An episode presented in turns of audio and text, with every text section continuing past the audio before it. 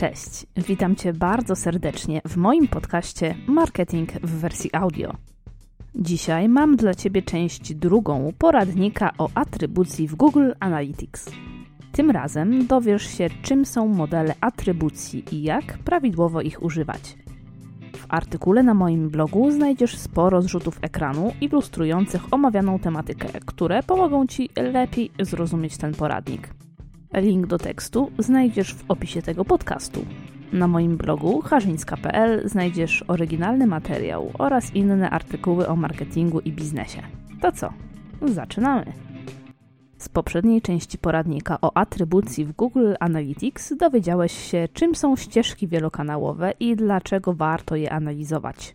Dziś poznasz raport Porównanie modeli atrybucji, który przyda Ci się w ocenie Twoich działań reklamowych i nie tylko.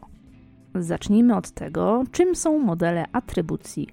Kolejnym ważnym raportem dostępnym w Google Analytics jest porównanie modeli atrybucji, dostępny w zakładce Atrybucja. Model atrybucji to zestaw zasad, które określają, jak ważną rolę w pozyskaniu konwersji, np. zakupu czy rejestracji, odegrał konkretny kanał, czyli źródło wejścia na stronę. Poprzez raport w analityce Google możesz nie tylko sprawdzić, ile zakupów i o jakiej wartości pozyskałeś z danego źródła w modelu ostatniej interakcji, czyli domyślnym w Google Analytics, ale przede wszystkim możesz porównać ze sobą różne modele. W ten sposób dowiesz się, ile naprawdę pozyskałeś konwersji dzięki reklamie w Google, na Facebooku czy poprzez wyniki wyszukiwania Google. Aby skorzystać z raportu porównania modeli, musisz mieć skonfigurowane śledzenie e-commerce lub oraz ustawione podstawowe cele, takie jak rejestracje, zapisy do newslettera i tym podobne. Wyjaśnijmy sobie też, czym jest konwersja w raporcie porównanie modeli atrybucji. W przeciwieństwie do raportu e-commerce, konwersje w raporcie porównanie modeli atrybucji to wszystkie działania, które zdefiniowaliśmy jako cel lub transakcje. Mogą być więc to zarówno dodania do koszyka, rejestracje, zapisy do newslettera, jak i zakupy dokonane w sklepie online. Rodzaje modeli atrybucji w Google Analytics. W narzędziu analitycznym Google możesz wybrać spośród siedmiu domyślnych typów modeli atrybucji. Są nimi Ostatnia interakcja. Jest to domyślny model atrybucji dostępny w raportach ścieżek wielokanałowych. Ten typ atrybucji przypisuje konwersję do ostatniego punktu styku odbiorcy z marką. Ostatnie kliknięcie nie bezpośrednie to model domyślny dla raportów podstawowych Google Analytics. Przypisuje on konwersję kanałowi, który jest ostatnim na ścieżce zakupowej i jednocześnie nie jest wejściem bezpośrednim. Ostatnie kliknięcie Google Ads. Ten model przypisuje konwersję do ostatniego kliknięcia, które pochodzi z płatnej reklamy w sieci reklamowej lub sieci wyszukiwania Google. Jest to w zasadzie zupełnie bezużyteczny model i nie warto z niego korzystać. Pierwsza interakcja. Ten model przypisuje w 100% konwersję do pierwszego źródła na ścieżce zakupowej klienta. Przykładowo, jeżeli odbiorca kliknął najpierw w link w newsletterze, a potem wszedł przez wyszukiwarkę, to konwersja zostanie przypisana źródłu e-mail. Liniowy. Model liniowy przypisuje konwersję porówno do każdego źródła, z którym zetknął się odbiorca na ścieżce zakupowej. Nie jest to zbyt użyteczny model, gdyż zazwyczaj każdy punkt styku klienta z marką, zakończony kliknięciem linku, wywiera inny wpływ na odbiorcę. Rozkład czasowy. Ten model przypisuje tym większą odpowiedzialność za konwersję, im później doszło do interakcji poprzez dane źródło. Jeśli więc odbiorca najpierw kliknął w reklamę na Facebooku, później w reklamę w wyszukiwarce, a na końcu wykonał wyszukiwanie w Google, to konwersja zostanie przypisana wszystkim źródłom, ale największe sprawstwo będzie należało się wyszukiwarce, a najmniejsze reklamie na Facebooku. Model ten również nie jest idealny. Jeżeli Twój klient został przekonany do zakupu już na samym początku ścieżki, to Google przypisze największy udział w konwersji, nie temu kanałowi, który na to zasługuje. Uwzględnienie pozycji. Ten model przypisuje 40% udziału w transakcji pierwszej i ostatniej interakcji, a pozostałe 20% dzieli w równych częściach pozostałym źródłom na ścieżce zakupowej. Z tego powodu jest to jeden z najbardziej logicznych i użytecznych modeli atrybucji dostępnych domyślnie w Google Analytics. Jeżeli Twoim zdaniem żaden z nich nie pasuje do strategii marketingowej i reklamowej Twojej marki, możesz pokusić się o utworzenie własnego, niestandardowego modelu atrybucji. Omówmy teraz, jak korzystać z raportu Porównanie modeli atrybucji. Przed skorzystaniem z raportu powinieneś się upewnić, że masz właściwie zgrupowane kanały. Często bowiem się zdarza, że przeglądarkowe skrzynki pocztowe wpadają do odesłań zamiast kanału e-mail, co zaburza wyniki. Podobnie jest w przypadku ruchu z Facebooka. Wszystkie wersje jego adresu URL powinieneś umieścić w jednym kanale. O tym, jak to zrobić, przeczytasz w artykule pomocy Google. Punkt pierwszy. Tak samo jak w przypadku ścieżek wielokanałowych, które opisałam w części pierwszej, w pierwszej kolejności wybierz rodzaj i typ konwersji. Czy będą to transakcje e-commerce, rejestracje, a może zapisy do newslettera? Nigdy nie mieszaj mikrokonwersji, jak na przykład rejestracja, z makrokonwersjami, jak na przykład transakcja. W ten sposób uzyskasz niewiarygodne dane, na podstawie których możesz wyciągać błędne wnioski.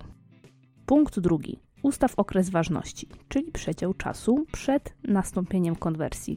Może wynosić od 1 do 90 dni. Punkt trzeci. Wybierz modele atrybucji do porównania.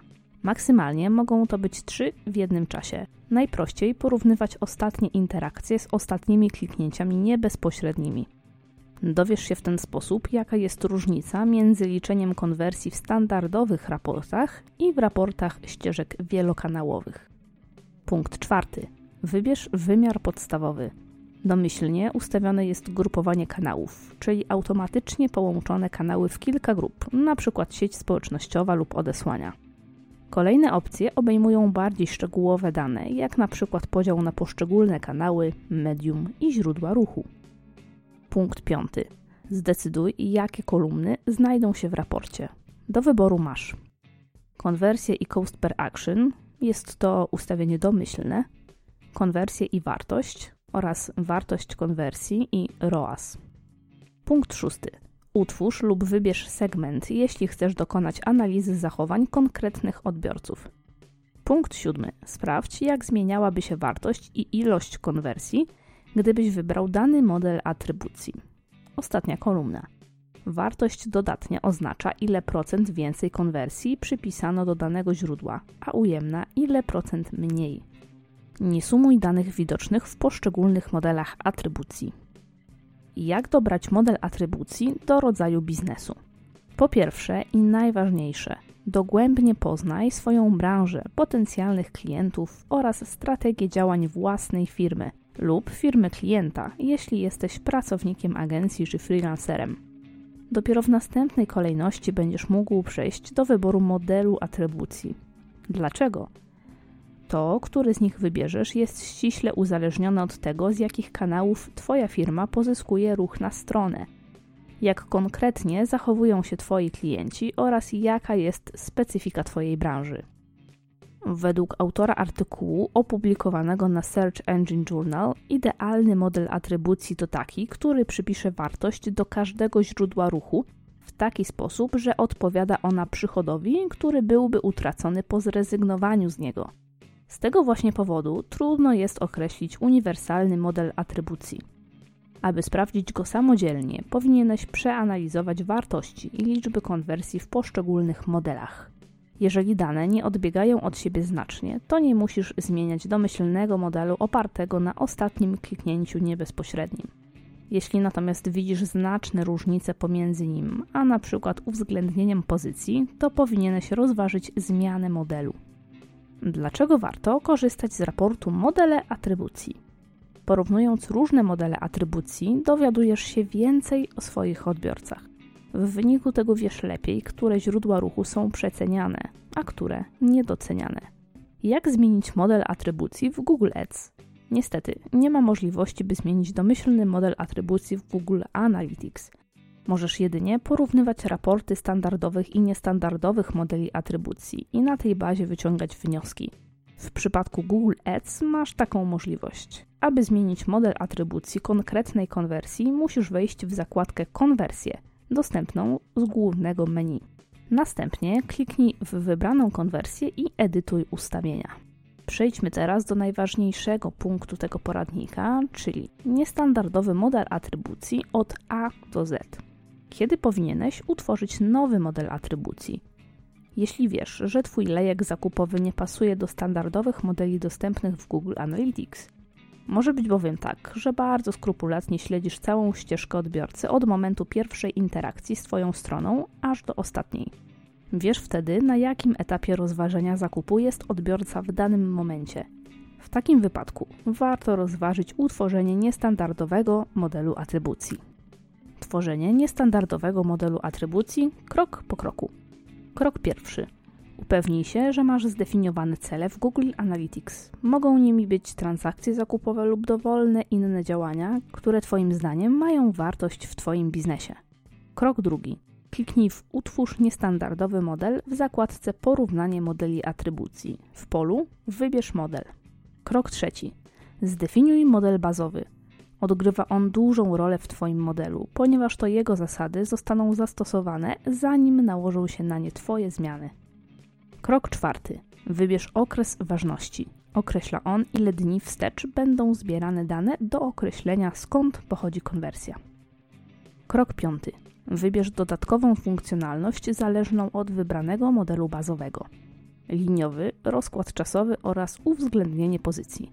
Dostosuj kredyt na podstawie zaangażowania użytkowników. Włączając te opcje, możesz kontrolować na podstawie jakiej aktywności zostanie równo podzielony udział w konwersji.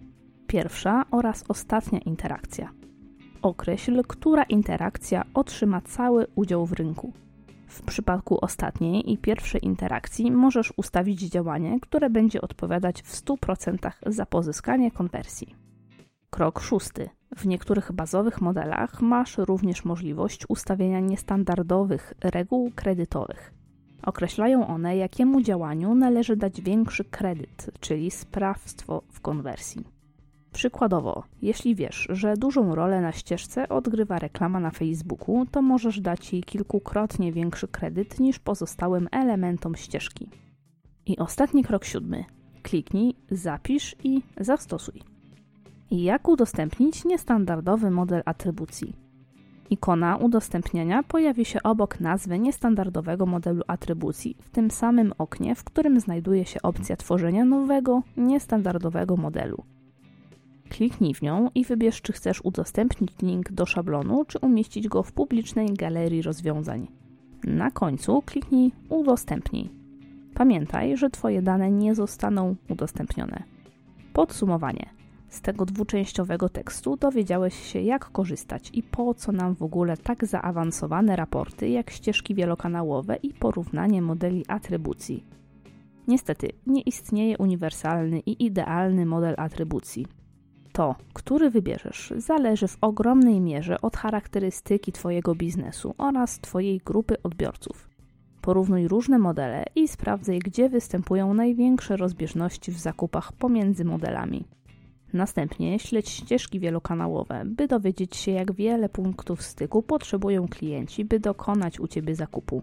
Na końcu połącz dane zebrane z obu typów raportów i wyciągaj na ich bazie wnioski odnośnie przyszłych działań na stronie i w reklamach.